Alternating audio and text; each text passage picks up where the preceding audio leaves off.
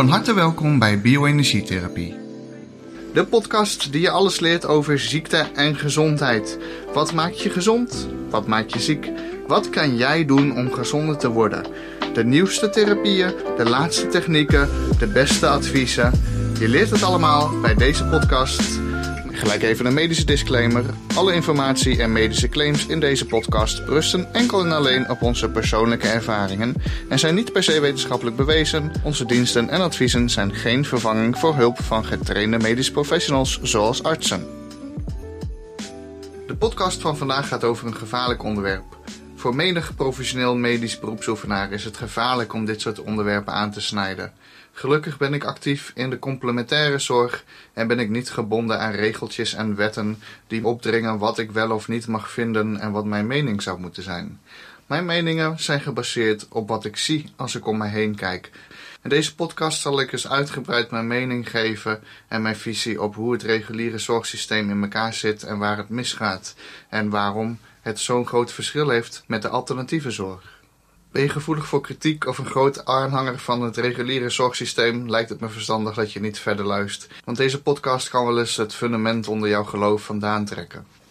Reguliere zorg bestaat uit een, eh, een, een verschillend tal disciplines. In grote lijnen zou je kunnen zeggen, we hebben dus de chirurgie en de acute gezondheidszorg. Daarover heel veel lof. Ik ben hartstikke blij dat wij ziekenhuizen hebben met intensive care units, waar als je een ongeluk krijgt, je met een ambulance naartoe gebracht kan worden, zodat ze je weer kunnen oplappen, zodat je buiten levensgevaar bent. Dat als je een been breekt, ze de gips omheen kunnen doen, of desnoods een operatie om alles weer te helpen ondersteunen en het aan elkaar te laten zetten. De acute medische gezondheidszorg is er dan ook vooral op gericht op acuut doen, direct doen wat nu nodig is, zodat het lichaam zichzelf weer kan gaan genezen. Dus dat is ook gewoon een heel mooi idee. De, iemand heeft een acuut probleem, levensgevaarlijk potentieel of gewoon heel erg vervelend. En een armbreken is natuurlijk niet levensgevaarlijk, maar het is ook echt niet leuk. Daar kan je wel wat hulp bij gebruiken. En daar gaat het ook echt helemaal goed. Ze helpen je gewoon weer op weg. Ze zorgen dat een arm gezet wordt, dat er gips omheen komt. Eh, zodat jij gewoon een paar dagen later, en misschien soms wat langer, misschien is het soms een uurtje later, misschien is het een week later, maar zodat jij uiteindelijk weer naar huis kan en gewoon weer daar verder kan met herstellen. Daar ben ik echt helemaal enthousiast over. Helemaal voor. Vind ik echt fantastisch. Maar hier houdt het dan ook wel op. Want als we verder kijken naar bijvoorbeeld de psychiatrie en de psychische gezondheidszorg, nee, daar is nog wel het een en ander op aan te merken. Sowieso is nog wel een terugkerend patroon in de reguliere gezondheidszorg dat zij een groep mensen met bepaalde klachten bij elkaar gaan zetten en zeggen: Oké, al deze mensen hebben deze afwijking, we weten niet hoe het komt, dus we noemen het syndroom X. En dat zie je natuurlijk in de psychiatrie ook heel erg, dat mensen klassificeren. Dus iedereen die druk is, die heeft ADHD. Iedereen die druk in zijn hoofd is, die heeft ADD. Iedereen die wel eens gemengde gevoelens heeft, die is bipolar. En zo is er in de DSM-5, het handboek voor de psychiatrie, eigenlijk wel voor elk persoon een psychische ziekte te vinden. Er zijn er honderden. Wil je graag een psychische aandoening, sla dat boek een keer open. Je vindt er wel een paar. En uh, nou, vervolgens ga je dan natuurlijk voor aan de medicijnen zijn er allemaal medicijnen ontwikkeld. Die processen in de hersen beïnvloeden waardoor je wat rustiger wordt. Of uh, misschien juist wat drukker. Of misschien wel uh, je hele persoonlijkheid verliest. Dat je niet meer kan voelen. Dat je die medicijnen neemt en dat je echt denkt van... Ja, ik was depressief, maar nu voel ik echt helemaal niks meer. Maar ik ben ook van niet meer depressief. dan word je gewoon een kastplantje. Geloof me, ik heb het zat omheen zien gebeuren. En ook met familie. Achteraf gingen ze altijd toch maar weer stoppen met de medicijnen. Want dat is natuurlijk niet hoe je een psychiatrisch probleem of een psychisch probleem oplost. Daar zitten altijd verborgen trauma's onder. Je kunt veel beter dat met goede therapieën gaan achterhalen. Bijvoorbeeld met shamanistische therapieën of met uh, NLP of andere therapieën die gewoon terug naar de kern gaan. Waar is het nou allemaal begonnen, die gedragsafwijking? Dus die hele psychiatrie en dan maar die uh, mensen aan de medicijnen zetten, daar kan ik heel kort over zijn. Dat moet je gewoon nooit doen als je aan de antidepressiva of aan dat soort dingen zit.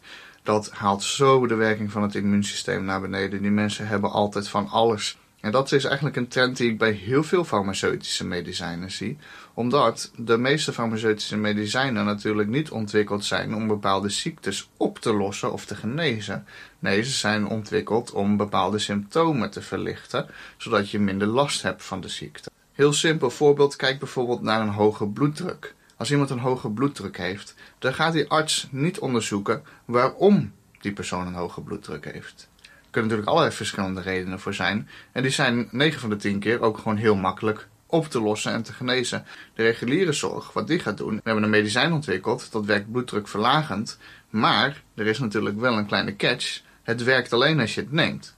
Dus dat medicijn krijg je vandaag en morgen en overmorgen en de dag daarna en volgend jaar en de rest van je leven. Dus de rest van je leven zit je dan vast aan een medicijn die je bloeddruk manipuleert. De systemen die de bloeddruk zouden moeten verlagen, die worden nou alleen nog maar luier. Want dat medicijn, ja, dat zet al het een en ander in gang.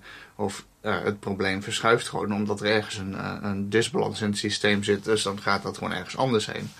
Dus kijk, uiteindelijk zie je constant een terugkerend patroon eigenlijk, vooral binnen de farmaceutische industrie. En eigenlijk kun je dat natuurlijk zeggen, dat is de hele medische industrie. De huidige medische reguliere geneeskunde is een verlengstuk van de farmaceutische geneeskunde. Ziekenhuizen zijn opgericht, artsen worden opgeleid. Je krijgt als arts geen gezondheidsleer, nee, je krijgt een medicijnenleer. Artsen wordt vooral geleerd hoe kan ik bepaalde symptomen en ziekten herkennen en welke farmaceutische geneesmiddelen horen daarbij? Een huisarts is ook niet veel meer dan iemand die dingetjes herkent, daar farmaceutische middelen bij kan verzinnen, of je kan doorverwijzen naar een specialist. En die specialist waar je dan naar vervolgens wordt doorverwezen, die weet heel veel van heel weinig. Je wordt verwezen naar een reumatoloog, die weet alles van spierziekten en reuma. En weet dat perfect te omschrijven en weet uh, wat hij op moet meten om vast te stellen of jij dat zou hebben of niet. Maar vervolgens heeft hij geen enkel idee waar het vandaan komt. Heeft hij ook geen enkel idee hoe hij het zou kunnen genezen. Maar dat hoeft ook niet. Het doel is niet om ziektes te genezen. Het doel is dat mensen medicijnen gaan gebruiken. Want de farmaceutische industrie is natuurlijk geen geneesindustrie. Nee, die willen graag farmaceutische geneesmiddelen verkopen. En daar ga je al helemaal nat. Want het zou eigenlijk helemaal niet een geneesmiddel moeten heten als het niks geneest. Dus daarom laat ik het ook altijd maar gewoon eventjes zeggen: het zijn farmaceutische medicijnen. Waarmee je iets in het lichaam beïnvloedt wat tot minder symptomen lijkt, maar geen ziekte geneest. Hetzelfde met diabetes type 1. Als jouw aanvleesklier veel te weinig insuline produceert, waardoor je insuline moet gaan lopen spuiten, en vervolgens ga je insuline spuiten, dan gaat die aanvleesklier natuurlijk nooit meer insuline maken. Nee, die wordt dan nog luier. Want hij had al moeite met insuline produceren. Dan ga je het hem nog makkelijker maken door bij te spuiten. Wat nodig is volgens de farmaceutische industrie, anders ga je dood. Ja, nou ja, anders dan is het inderdaad niet echt best voor je. Maar waarom maakt die aalvleesklier zo weinig insuline? Wat is daar het probleem? 9 van de 10 keer zie je dat hij belast is met virussen en dat er daardoor auto-immuunreacties ontstaan, waardoor de productiecapaciteit van zo'n orgaan flink gereduceerd wordt. Ga je die virussen behandelen, het immuunsysteem behandelen, het zelfgenezend vermogen behandelen, dan zie je dat die aalvleesklier in één keer weer helemaal tot leven komt en dat hij gewoon wel insuline kan produceren, en dat mensen kunnen stoppen met die insuline. En dat denk je van, nou dat is toch, wat, kan je, wat loop je nou uit je nek te lullen? Nou, ik zie het keer op keer weer in de praktijk dat dat gewoon hoe het is. En hoe jonger je bent, hoe groter de kans is dat we hem weer levend krijgen. Als je niet geboren bent met de aalvleesklier die volledig dood was, maar pas op latere leeftijd diabetes type 1 hebt gekregen, of je nou 1, 2, 3 of 10 jaar oud was, dan is er in de meeste gevallen gewoon hoop om dat in elk geval voor een groot gedeelte terug te draaien. Want hoe minder kunstmatig synthetisch nagemaakt hormoon je zou moeten bijspuiten, hoe beter natuurlijk. Want het lichaam reageert toch altijd het beste op het puur natuurlijke hormoon wat het lichaam zelf maakt. Dus zowel in de psychische gezondheidszorg als in de farmaceutische gezondheidszorg, de overkoepelende gezondheidszorg binnen de reguliere geneeskunde, zie je toch dat de neiging heel veel neigt naar farmaceutische middelen gebruiken die niks genezen, maar die mensen vooral moeten blijven gebruiken. Dus dan ga je met zo'n pil beginnen voor een of andere klacht. Maar ja, die pil die heeft bijwerkingen, wat natuurlijk gewoon een woordspeling is, want het zijn gewoon werkingen. Alleen het zijn ongewenste werking, dus dan zeggen ze bijwerking. Dan denken mensen, oh dat hoort niet zo. Nee, hoort niet zo, maar dat is ook gewoon een werking van het medicijn. Want als je het één gaat onderdrukken, dan komt het ergens anders naar boven. Het lichaam moet in balans zijn. En dat kun je niet met chemische middelen constant onder druk gaan zetten. En niet verwachten dat de problemen gaan verschuiven. Maar goed, je krijgt een medicijn en er zijn bijwerkingen. Daar geef je een ander medicijn voor. Daar komen ook weer bijwerkingen van. Krijg je weer een ander medicijn voor. En daar heb je weer bijwerkingen van. Krijg je weer een ander medicijn voor. En voor je het weet zit je zo aan 5, 6, 7, 8, 9, 10 verschillende soorten farmaceutische middelen. Als ik gemiddelde verpleegster van een zorgflat spreek, nou dan zit gewoon gemiddeld rond de 10 verschillende soorten farmaceutische geneesmiddelen wat die ouderen die daar in die verzorgingsflat uh, wonen elke dag achter de kiezer moeten uh, drukken. Nou, dat is toch niet normaal? Vind je dat ze als zombies door de gangen lopen? Wat je met die ouderen beter zou kunnen doen, is met ze gaan sporten. Uh, zorgen dat ze lekker actief blijven, dat ze fit blijven. En zorgen dat ze genoeg zonlicht krijgen. En andere goede therapieën met ze doen, waar ik natuurlijk zelf enthousiast over ben. We hebben echt zo vaak mensen in de praktijk gehad die gewoon echt al 80 jaar of ouder zijn die niet helemaal fit zijn, die ik gewoon weer zo fit krijg als iemand van 25. Het is echt niet te geloven. Soms is het gewoon echt zo bizar dat ik ze gewoon echt meetbaar gewoon, gewoon fitter krijg dan, uh, dan jonge mensen. Want die mensen hebben ten eerste wel natuurlijk een hele goede basis gehad. Die komen nog uit een tijd waarin voeding nog echte voeding was. Waarin voeding nog echt vitamines en mineralen bevatte in plaats van al die mooie opgeplofte tomaten die je tegenwoordig kan kopen. is natuurlijk hartstikke leuk, ziet er fantastisch uit, maar het is gewoon gebakken lucht. Weet je, een tomaat of een komkommer of een gemiddelde krop sla of wat dan ook, dat wordt niet meer gekweekt op de volle grond, waar het allerlei soorten grondstoffen en mineralen en voedingsstoffen kan opnemen. Nee, dat wordt gekweekt op glaswol. En dat glaswol, daar gaan drie soorten voedingsstoffen in. Er zit geen leven in het glaswol, geen niet zoals in de natuur dat er aardwormen in zitten en dat er allemaal schimmels in zitten die de planten helpen en het hele microbioom. Nee, dat zit er allemaal niet in. Gewoon hier heb je krachtvoer. Ja, nou, daar groeien die planten wel op. Daar zijn ze wel inmiddels op aangepast.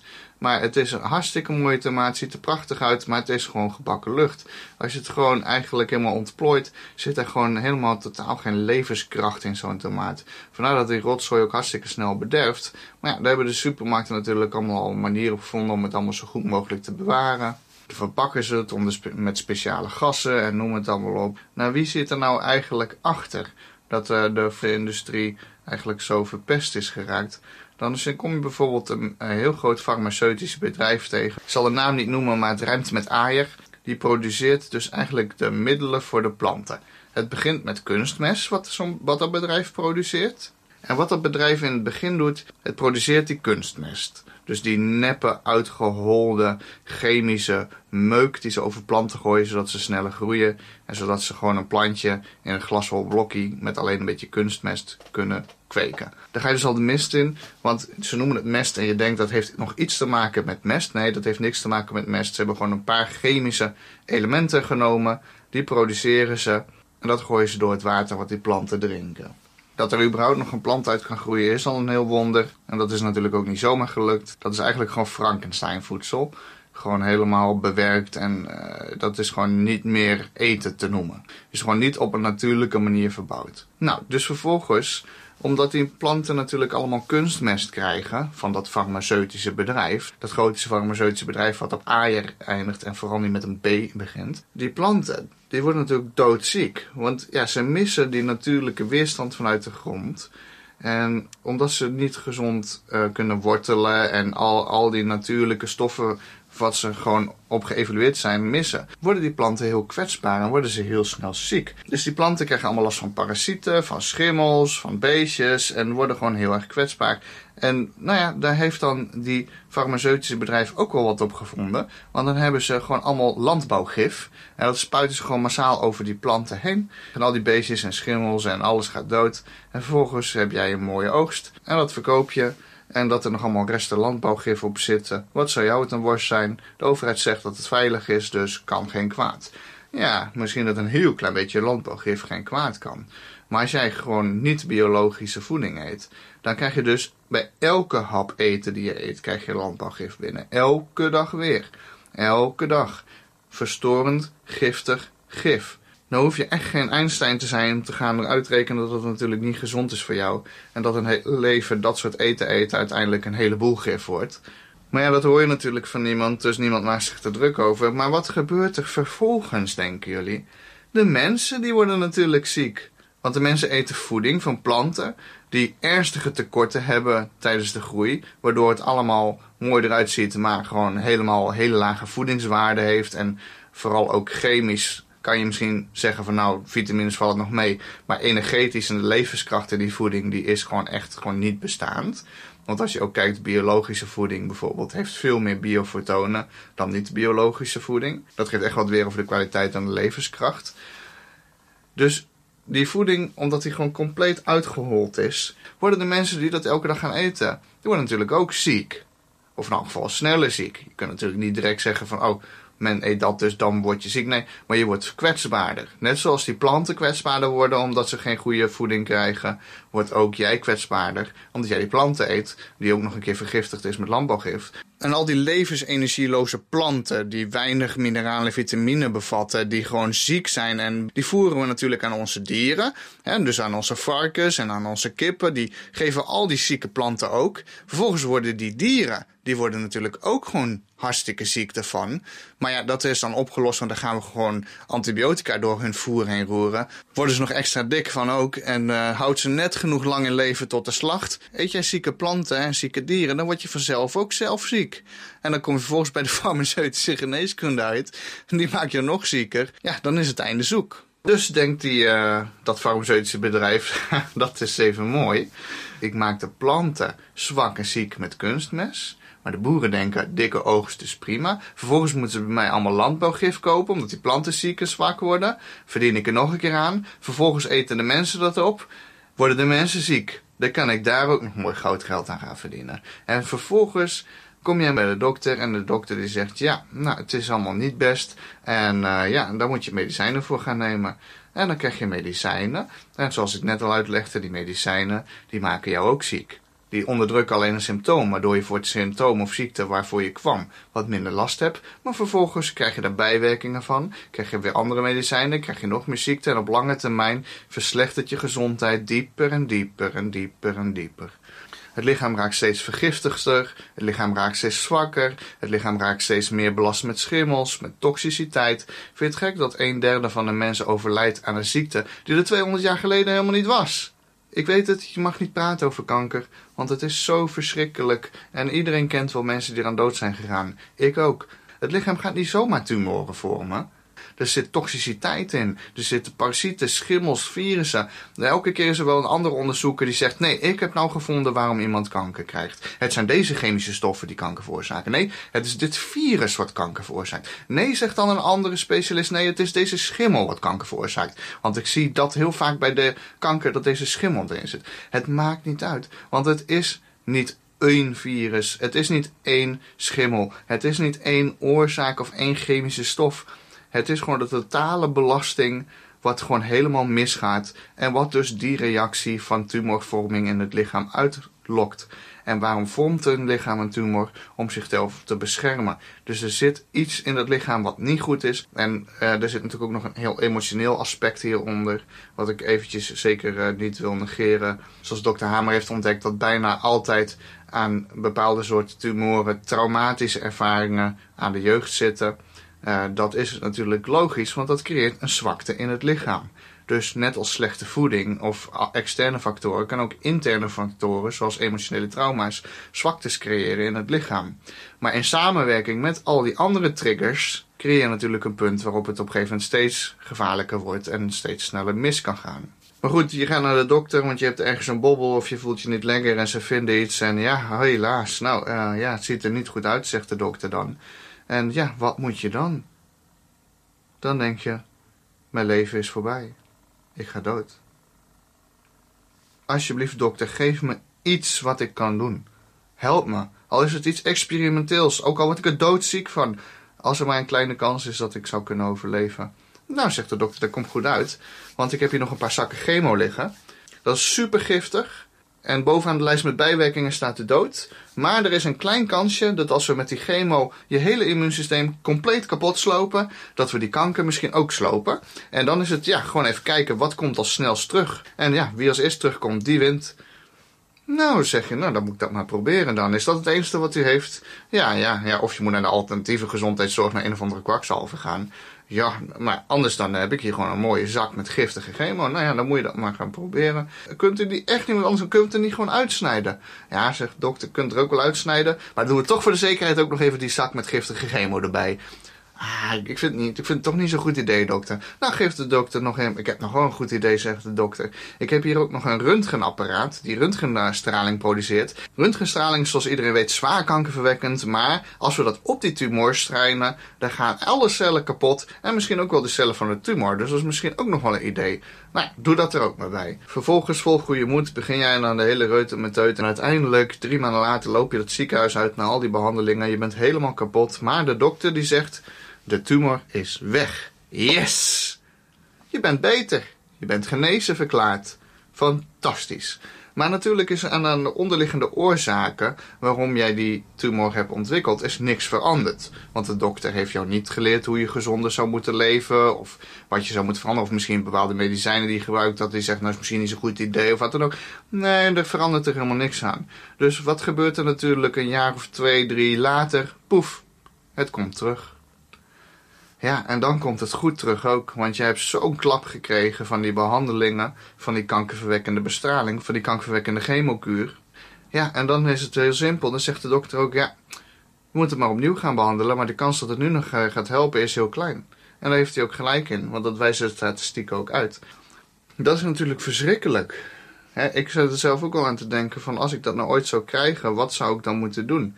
Kijk, en waarom noem ik dit nou? Je, het is natuurlijk helemaal niet leuk om hierover te praten, maar dit is gewoon wel zeg maar het eindstadium van jarenlange uitholling van je gezondheid en jarenlange invloeden van straling, van zendmasten, van mobiele telefoons, van kankerverwekkende stoffen zoals E-nummers in onze voeding. Jarenlang leidt er uiteindelijk toe dat we in een maatschappij zijn beland waar kanker gewoon doodsoorzaak nummer 1 is. En zoals ik al zeggen, dat is een ziekte die 200 jaar geleden gewoon niet of nauwelijks bestond. Toen er nog geen gsm-zendmasten waren. Toen er nog geen pesticiden waren. Toen er nog geen kunstmest was. Toen mensen nog gewoon natuurlijke, altijd biologische planten uit de aarde aten. Die in de volle grond waren verbouwd en gegroeid. Die met de seizoenen meeaten. Op een natuurlijk ritme naar bed ging als het s'avonds donker ging. Ja, misschien stak je nog een uurtje een kaasje aan, maar daarna ging je lekker slapen. Weet je, toen waren al dit soort ziektes er niet. En als wij zo'n geweldige farmaceutische geneeskunde hebben, zo'n geweldige reguliere geneeskunde hebben, waarom zijn er dan zoveel mensen ziek? Weet je, mensen die zeggen wel eens tegen mij van Kai, waarom ben je nou met die alternatieve geneeskunde bezig? Dat is toch allemaal gewoon onzin. We hebben toch een hele goede reguliere zorg. Die hebben toch alles al lang uitgedokterd. Nou, dat is dus het probleem. Die hebben alles nog helemaal niet uitgedokterd. Op dit moment zijn 50% van de Nederlanders chronisch ziek. Dat verzin ik niet. Dat zijn gewoon de statistieken van het Centraal Bureau voor Statistieken van de CBS. Als die westerse geneeskunde zo geweldig is, waarom hebben we allemaal chronische ziekten? Waarom gaan we dood aan kanker? Waarom hebben we spastische darm, prikkelbare darm? Waarom hebben mensen eczeem? Waarom hebben mensen migraine? Waarom bestaat astma überhaupt? Waarom bestaan al die ziekten die er 200 jaar geleden niet eens waren of niet of nauwelijks voorkwamen? Als de reguliere geneeskunde zo succesvol is om ziekten te genezen en te bestrijden en mensen gezond te houden, dan zou dat toch moeten uitblinken in de cijfers. Als ze het antwoord op alles hadden, dan zou het toch moeten zijn dat iedereen kerngezond is. En dat als je ook maar met het minste of beetje probleem naar de huisarts stapt, dat hij gelijk zegt: Dit moet je doen. En dan komt het helemaal weer goed. En daarna zie ik je niet weer. Geen lange termijn medicijnen, geen lange termijn supplementen. Gewoon dit gaan we doen en dan gaat het zelfgenezend vermogen weer beter functioneren.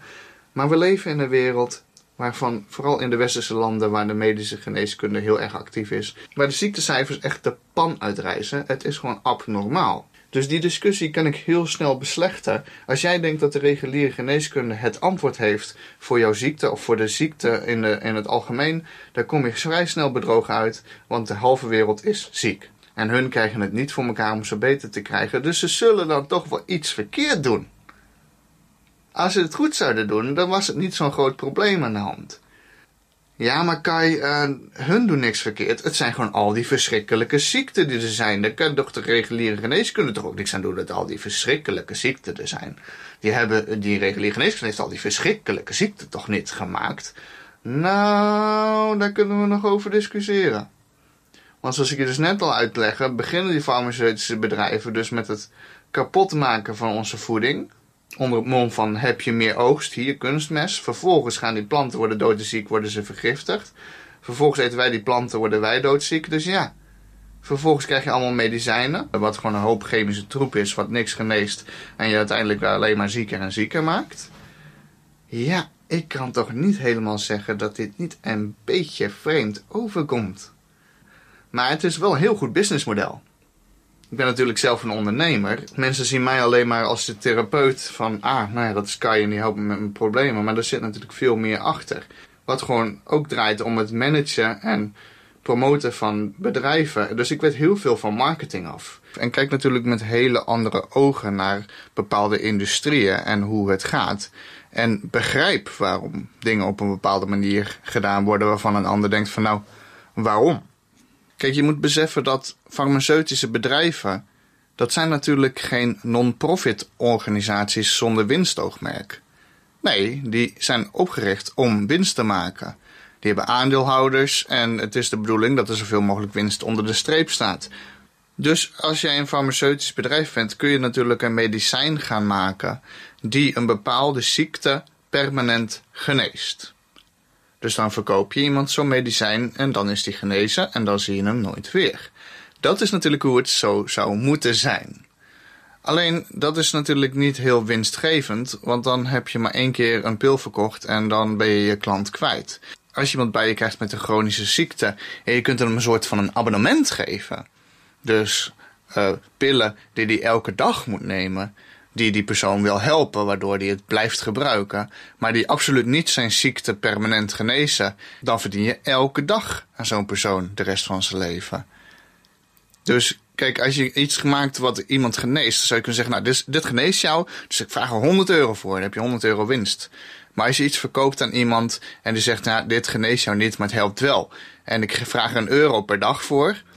Kijk, dan verdien je 365 euro per jaar dan verdien je in 30 jaar 10.000 euro aan zo'n persoon. Kijk, dus, kijk, het is natuurlijk niet heel erg moeilijk om te snappen dat dat uh, niet heel erg motiverend werkt voor farmaceutische industrie om de mensen echt zo goed mogelijk te helpen. Natuurlijk is er wel wat onderlinge concurrentie tussen die bedrijven. Uh, dus uh, nieuwe kleine jongens die met nieuwe medicijnen komen die heel goed werken, zie je ook dat die binnen no time worden opgekocht door grote farmaceutische bedrijven. En dat 9 van de 10 keer zo'n medicijn gewoon uh, voor een godsvermogen wordt verkocht. Of dat het ergens in een kluisje wordt weggedrukt, patentje in het kluisje en het wordt van de markt afgehaald. Want niemand zit erop te wachten op dingen die echt ziekte genezen. En wat je bijvoorbeeld uh, de afgelopen tien jaar had je een enorme revolutie aan wat ze noemen MMS, Medical Mineral Supplement, oftewel chloordioxide. En dat is gewoon super succesvol in het doden van parasieten, bacteriën, virussen, schimmels. Zonder dat het de gezonde cellen enige schade toedoet. Zonder dat het giftige rest in het lichaam achterlaat. Dus enorm populair werd dat. Vooral in de armere landen. Omdat het gewoon uh, echt voor een paar stuivers kon het aids en malaria en noem het maar op genezen.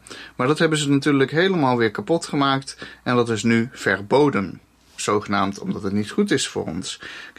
Kijk, kijk, dat ook, weet je, als uh, de overheid werkelijk zou verbieden wat niet goed is voor ons, dan zat er geen aspartaam in ons drinken. Er zaten er geen E-nummers in ons eten die kankerverwekkend waren. Maar uiteindelijk zijn de overheden dikke vriendjes van met de farmaceuten. En de farmaceuten zijn dikke vriendjes met de bankiers. Uiteindelijk is het gewoon één grote machtige club. En ja, er worden natuurlijk ook echt wel af en toe goede levensreddende medicijnen uitgevonden. Er zijn bepaalde niche-markten.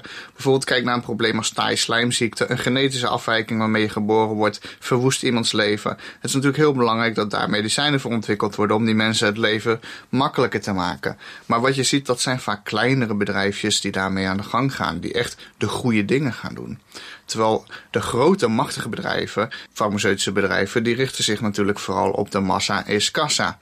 De meest voorkomende chronische ziekte en daar medicijnen voor ontwikkelen. En je ziet ook dat er eigenlijk nauwelijks vooruitgang in zit. Een kankerpatiënt levert de farmaceutische industrie 100 tot 300.000 euro op. Ja, dat is nogal een boel geld. Wie denk je dat het allemaal betaalt? Wij natuurlijk. Dus je kunt je voorstellen, er zijn nogal wat motieven om de boel vooral lekker zo te houden zoals het is. Ik ben nu aan het generaliseren. Uh, er zijn natuurlijk een paar uitzonderingen daar gelaten, wat echt heel bijzonder is. En dat, wat ik zeg, ik ben per definitie helemaal niet tegen de reguliere geneeskunde of een farmaceutisch bedrijf. Maar in grote lijnen zie je dat er één trend ontstaat. En dat is constant farmaceutische middelen op de markt brengen. Met heel veel giftige bijwerkingen. Die één probleem ergens wat helpen verlichten, maar een ander probleem creëren. Zodat uiteindelijk de mensen alleen maar zieker worden en in het systeem blijven.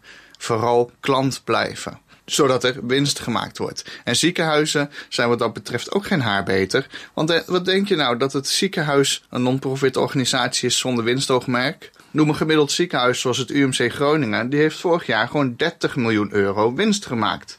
Dat wordt gewoon eventjes onder de aandeelhouders verdeeld. En natuurlijk is het hartstikke belangrijk dat ze er zijn om mensen te helpen. Alleen ik heb gewoon kritiek op die hulp die vervolgens gegeven wordt. Dat kan gewoon veel beter. En heel veel mensen zijn dat met mij eens. Dus je ziet dat er heel veel experts zijn die gaan kijken hoe kunnen we mensen beter helpen. Wat zijn nou echt de werkelijke oorzaken van ziekte? Wat kunnen we doen om mensen te helpen beschermen tegen al die toxiciteit die in ons voeding zit? Hoe kunnen we helpen mensen te beschermen tegen al die straling die van buiten komt van onze gsm-masten en noem het op, die ons immuunsysteem zo verzwakt? Wat kunnen we doen om te zorgen dat het zelfgenezend vermogen weer beter gaat functioneren? En dan zie je dat daar hele andere filosofieën en therapieën uit ontstaan. We kijken naar de Oosterse geneeskunde, die al duizenden jaren succesvol is met het behandelen van allerlei soorten ziekten. En dan zegt de Westerse geneeskunde, ah, dat zijn allemaal een stel idioten en een stelletje spiritisten of wat dan ook. Maar dat is natuurlijk complete onzin. Je kunt natuurlijk nooit een geneeskunde die al duizenden jaren bestaat, zoals de Chinese geneeskunde of de Ayurveda, zomaar afwimpelen als van, nou, dat is onzin. En al dat gedoe met kruiden en energieën en noem het op, dat is allemaal belachelijk. En uh, die hebben het gewoon al duizenden jaren verkeerd. Want wij zijn hier al 150 jaar bezig met het ontwikkelen van chemische middeltjes die mensen beïnvloeden. En dat is het antwoord op al jullie problemen. Maar zoals ik al eerder zei, als dat het antwoord was, waarom is iedereen dan zo doodziek? Als het het antwoord is om met chemische middeltjes constant de natuur te gaan beïnvloeden, te beginnen met de voeding, dat zodat de voedingszieke zwak wordt. Vervolgens eten wij en de dieren die wij eten, dat soort planten die ziek en zwak zijn, worden hun ziek en zwak. Vervolgens worden wij ziek, krijgen we medicijnen, worden we nog zieker en zwakker. Als dat de oplossing is, waarom moeten we tijdens een coronacrisis het hele land op slot gooien? Omdat de zorg capaciteitsproblemen heeft. Terwijl 99% van de mensen gewoon voldoende weerstand heeft tegen corona. Waarom ligt de focus niet op die ene procent die er wel echt ziek van wordt? Hoe gaan we die zo goed mogelijk daar doorheen helpen? Wat kunnen we hun voor therapieën en medicijnen geven om hun zo snel mogelijk beter te krijgen? Alleen een farmaceutisch bedrijf, die zal wel uitkijken om een medicijn op de markt te brengen wat die corona geneest. Want daar verdien je geen geld aan. Stel je voor, dan zou je iemand genezen, geef hem één keer de medicijn, is hij genezen. 1% van de mensen, moet je nou even rekenen, als je 1% van de mensen hebt die ziek worden, die geef je een medicijn, stel je vraagt er 100 euro voor en dan zijn ze genezen. Dan verdien je dus op een groep van 100 mensen, 1% betaalt 100 euro, verdien je dus op een groep van 100 mensen verdien je 100 euro. Dus 1 euro per persoon. Daar komt nog even mijn marketing genie technische brein naar boven. dus je zou ook kunnen zeggen, maar wacht even. We gaan gewoon zeggen, nee, we gaan niet die ene procent die ziek wordt genezen. Wij gaan 100% een vaccinatie geven, zodat hopelijk dan die ene procent dan niet meer ziek wordt. Dan kun je dus 100 mensen een vaccinatie gaan geven. En voor die vaccinatie vraag je gewoon 10 euro per stuk. Dan verdien je dus 1000 euro op die groep van 100 mensen. In plaats van 100 euro. 10 keer zoveel. Kijk, dat is nogal motiverend. Om natuurlijk de focus vooral te schuiven op. Nee, we moeten iets gaan verkopen aan die mensen. En dan moet iedereen moet dat nemen. En dat past natuurlijk perfect bij de farmaceutische industrie. Want denk je dat je met één van die vaccinaties klaar bent? Nee, je moet er een paar maanden later moet je er nog heen. En volgend jaar zijn er mutaties, dan moet je er weer heen. En volgend jaar daarop zijn er weer mutaties, moet je er weer heen. Datzelfde trucje hebben ze natuurlijk met de griepspuiten gedaan. Elk jaar moet je weer terughobbelen naar de dokter voor een nieuwe griepspuit. Die bescherming biedt voor de griep van het jaar ervoor. dus ja, eigenlijk is het natuurlijk een beetje zinloos. Ondertussen zitten er allemaal hulpmiddelen in die vaccinaties en conserveringsmiddelen die weer heel belastend zijn voor het immuunsysteem. En zo weer het zelfgenezend vermogen onderuit halen. Wat natuurlijk weer fantastisch bijdraagt aan het ontwikkelen van al die chronische ziekten. En dan is het cirkeltje weer rond. En uiteindelijk wordt er gewoon gigantisch veel geld verdiend. En geld is macht. En die farmaceuten hebben allemaal lobbyisten die de overheid constant lopen te manipuleren. Wist je dat er in Brussel gewoon 30.000 lobbyisten actief zijn die voor de farmaceutische industrieën werken? Voor elke belangrijke politicus zijn er gewoon meer dan 10 lobbyisten actief. Dan denk je dat is toch gewoon absurd. Maar ja, wie de overheden beïnvloedt en zorgt dat het beleid zo wordt gemaakt dat het in het voordeel is uiteindelijk van jou. En je kunt daar gigantisch veel mee verdienen. Wat zou jou het dan in worst zijn om als industrie 30.000 mensen in dienst te nemen om die beleidsmakers constant te gaan beïnvloeden? Dat is natuurlijk uiteindelijk gewoon een hartstikke goed businessmodel. En om dat goed in stand te houden is het vooral belangrijk om alles wat alternatief is, iedereen die zegt van wacht eens even, dit hele systeem is gewoon doorgestoken kaart en werkt niet en we gaan iets anders doen, we gaan iets doen wat beter is, dan moet je zoveel mogelijk onderdrukken. Door therapeuten die succesvol worden gewoon constant te onderdrukken en af te schilderen als kwakzalvers. En ja, er zullen ook vast wel een paar tussen zitten die het niet helemaal op een rijtje hebben.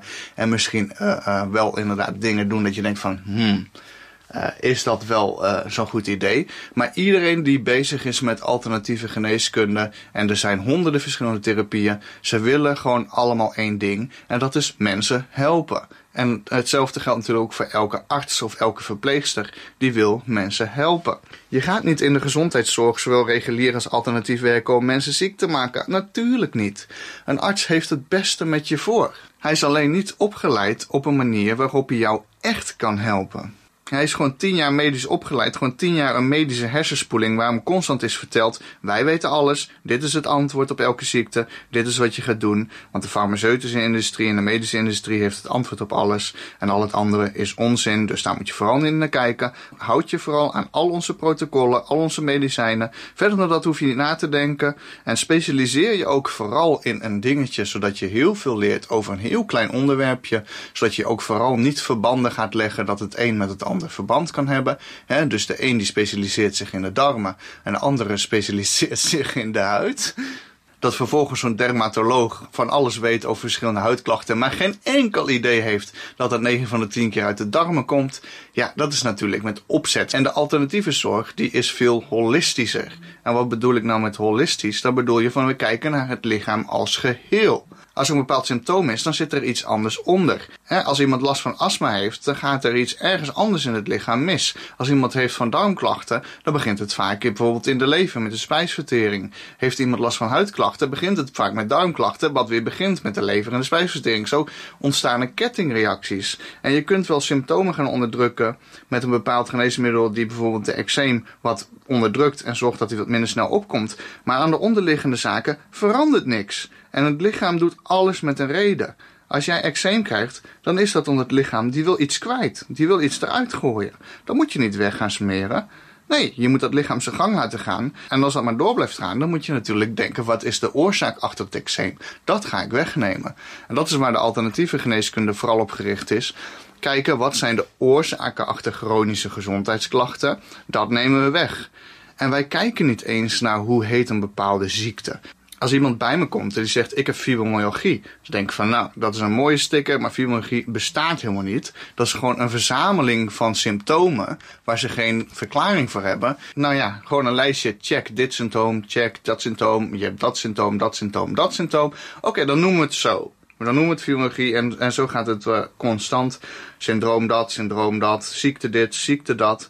En als je maar dan aan de kwalificaties voldoet, dan uh, heb je een bepaalde ziekte. En uh, dat is natuurlijk ook uh, te onderzoeken, want uh, dan kunnen ze kijken, oké, nou, dit gaat mis, ja, dat is deze afwijking, oké, dat is deze ziekte. Maar dat is natuurlijk gewoon complete onzin. Als je een spastische darm hebt, dat is niet een ziekte, dat is een ziektebeeld. En er zijn heel veel verschillende ziektebeelden en die hebben allemaal verschillende soorten oorzaken. En je moet naar het lichaam als geheel kijken. En wat je dan bijvoorbeeld ziet, is dat heel vaak gaat het mis dat uh, het lichaam veel te weinig biofotonen binnenkrijgt.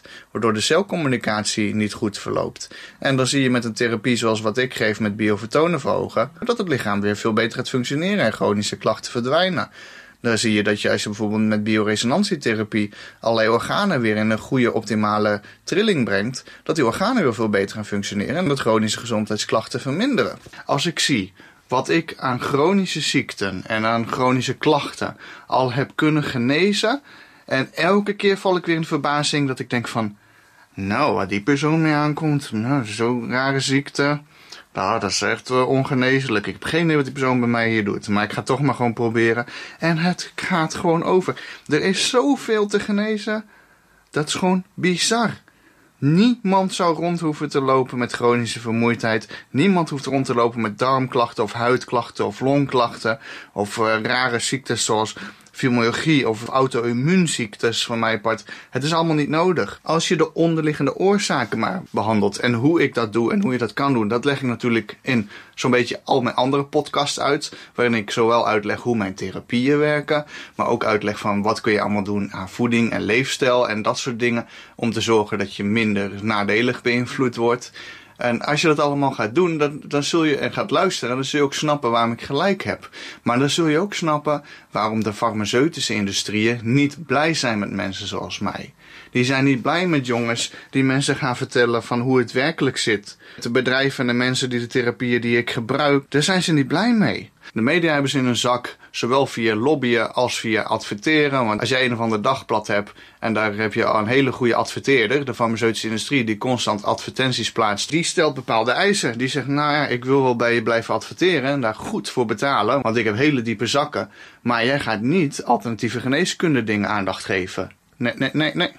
En als je dat wel doet, dan stoppen we gewoon met adverteren. En dat is gewoon hoe het werkt. En natuurlijk worden de organisaties in het leven geroepen, zoals Vereniging tegen de Kwakzalverij.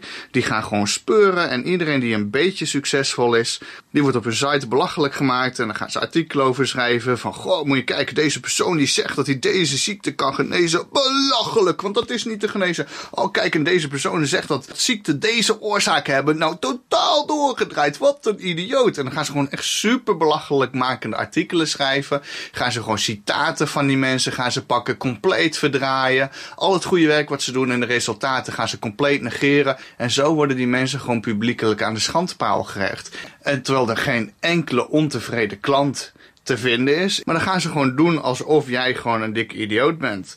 En dan gaan ze gewoon proberen je zo zeg maar jouw geloofwaardigheid omlaag te brengen.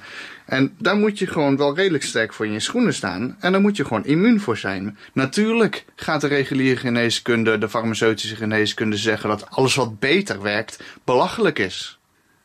Natuurlijk gaan ze dat doen, want dat is een bedreiging voor hun imperium.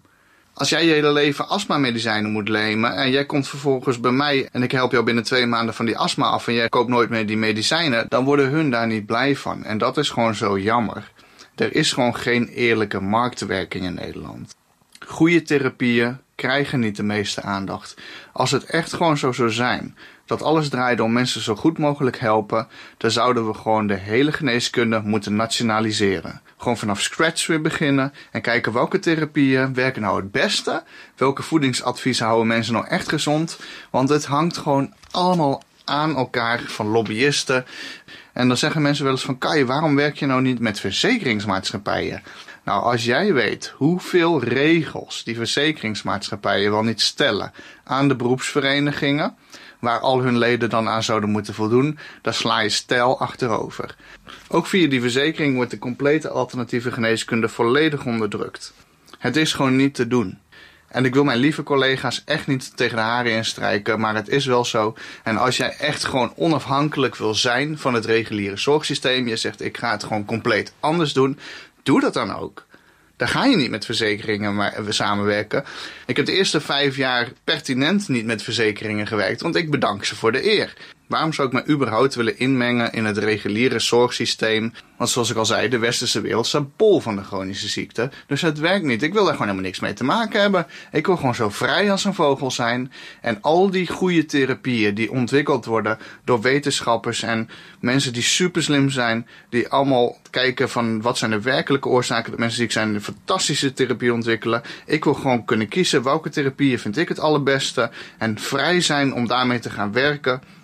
En als ik constant tegen bepaalde dingen aanloop en ik zie gewoon van dit is een probleem en hierdoor ontstaan gezondheidsproblemen en als je dit doet, dan gaan die over. Oftewel, dan gaan ze genezen. Niet in de zin van iets onderdrukken, maar echt iets genezen. Dan wil ik gewoon de volledige vrijheid hebben om dat te kunnen zeggen. En niet dat ik zeg van hé, hey, ik heb deze ziekte en daar heb ik deze oplossing voor bevonden. Maar dat vervolgens ik op de schouders wordt getikt van hé, hey, wacht eens even. Dat kun je niet zomaar zeggen hè. Dat gaan we niet doen. Mondje dicht.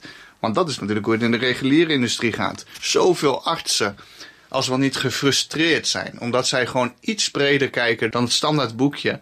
En met dingen gaan experimenteren. Die heel succesvol worden met bepaalde dingen behandelen. Die gewoon op de vingers worden getikt. Die gewoon uit hun ambt worden ontzegd. Omdat ze ook maar een klein beetje gaan afwijken van hoe de regels hun opdragen om te moeten handelen. Dat hele systeem zit absoluut niet in elkaar om mensen zoals artsen, die echt oprecht mensen willen helpen, aan te moedigen om uh, zo goed mogelijke oplossingen te bedenken. Het zit zo in elkaar dat ze moeten doen wat hun opgedragen wordt.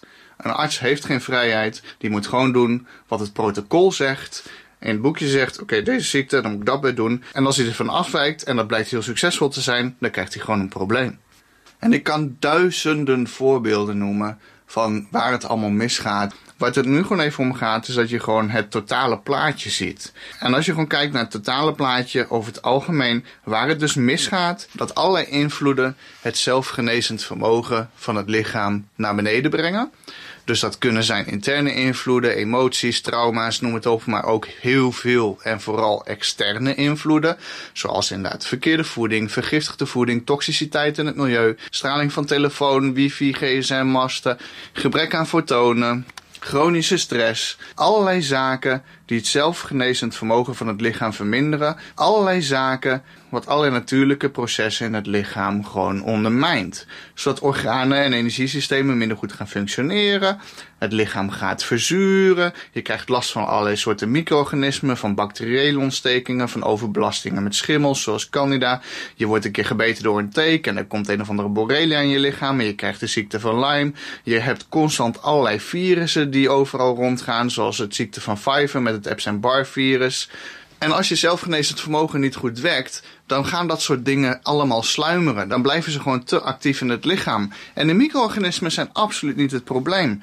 Wij leven samen met de micro-organismen. Zonder micro-organismen zouden we niet kunnen bestaan. Je darm zit vol met bacteriën en die helpen jou om je voeding te verteren. Je huid zit vol met een flora die jou beschermt. Wij werken nauw samen met bacteriën, met virussen, met alles in de natuur heeft zijn functie alles in de natuur heeft een rol. En als jij gewoon een goede natuurlijke immuniteit hebt en een goed zelfgenezend vermogen, dan zullen dat soort bacteriën en virussen nooit problemen gaan geven. Je hoeft jezelf niet per se af te vragen van, oh ik heb gezondheidsklachten, waardoor komt het? Komt het omdat ik misschien Lyme heb of een virus heb of uh, wat dan ook? Nee, je moet je afvragen van welke systemen zijn bij mij uit balans die mijn zelfgenezend vermogen blokkeren. En dat is waar de alternatieve geneeskunde heel erg goed in is.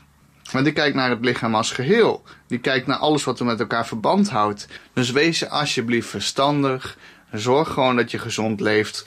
Eet gezond en biologisch, veel plantaardig, minder varkensvlees, minder suiker, minder melk, meer groente en fruit. Pak die straling aan. Zorg dat je minder vergiftigd wordt. Gebruik je medicijnen. Kijk wat kan ik doen aan de werkelijke onderzaak. Zodat ik kan stoppen met die medicijnen. Zodat ik gewoon mezelf genees in plaats van symptomen onderdruk. Kijk naar al die fantastische therapieën die er zijn. En maak gewoon die keuze om verantwoording te nemen voor jezelf. Om gewoon te zeggen nee, ik ga gewoon goed zorgen voor mezelf. Want als je je afhankelijk stelt van een of ander farmaceutisch geneesmiddel, dan geef je dus eigenlijk ook die verantwoording gewoon uit handen van, nou ja, dat middel moet het maar gaan oplossen. Nee, jij moet het oplossen. Jouw lichaam moet jou gezond maken en gezond houden. En als je het lichaam in staat stelt om dat te doen en blokkades wegneemt en opheft en gewoon naar al mijn podcast luistert en gewoon kijkt van wat moet ik gewoon gaan doen, dan zul je zien dat het lichaam dat ook kan. Het lichaam wil helemaal niet ziek zijn. Het lichaam wil gezond zijn. En als jij een of andere ziekte hebt, of een symptoom of een klacht, is het om jou alert te maken dat er iets niet goed gaat en dat je er wat aan moet gaan doen. Niet dat je moet gaan lopen negeren of moet gaan onderdrukken van, met farmaceutische middelen. Nee, je moet er wat aan gaan doen. En als je dat niet doet, dan gaat het niet over. En die mensen zijn overal geweest. Die hebben elke arts en specialist en ziekenhuis al gezien. En niemand die helpt ze gewoon. Terwijl het gewoon dan achteraf gewoon binnen een paar maanden op te lossen valt. Ik ben natuurlijk heel blij, want daarvoor doe ik het. Ik wil ze graag helpen. Maar aan de andere kant frustreert het me natuurlijk gigantisch. Dat het gewoon het systeem zo in elkaar zit. Dat een of andere simpele ziel zoals mij met wat goede therapieën gewoon zo'n verschil kan maken voor mensen hun leven. Terwijl een industrie die zegt daarin gespecialiseerd te zijn, gewoon bijna niks voor ze kan betekenen. Een industrie die miljarden verdient. Die zoveel geld heeft voor onderzoek om te kijken wat werkt nou echt en wat werkt nou niet. Nou, maar ja, als ze die miljarden zouden investeren in de werkelijke oplossingen, dan verdienen ze geen miljarden meer. Dus het enige wat ze met, met z'n allen kunnen doen is tegengas geven door nee te zeggen tegen het reguliere systeem. Jij moet gewoon doen wat jij kan doen. En jij moet gewoon je eigen research doen en onderzoeken. Wat is nou tussen al deze verschillende versies van de waarheden die je krijgt uit elke hoek? Iedereen zegt wat anders. Wat is nou echt de werkelijke waarheid voor mij? En je moet ook beseffen dat elk lichaam is uniek. En ook met al die verschillende soorten diëten die er zijn.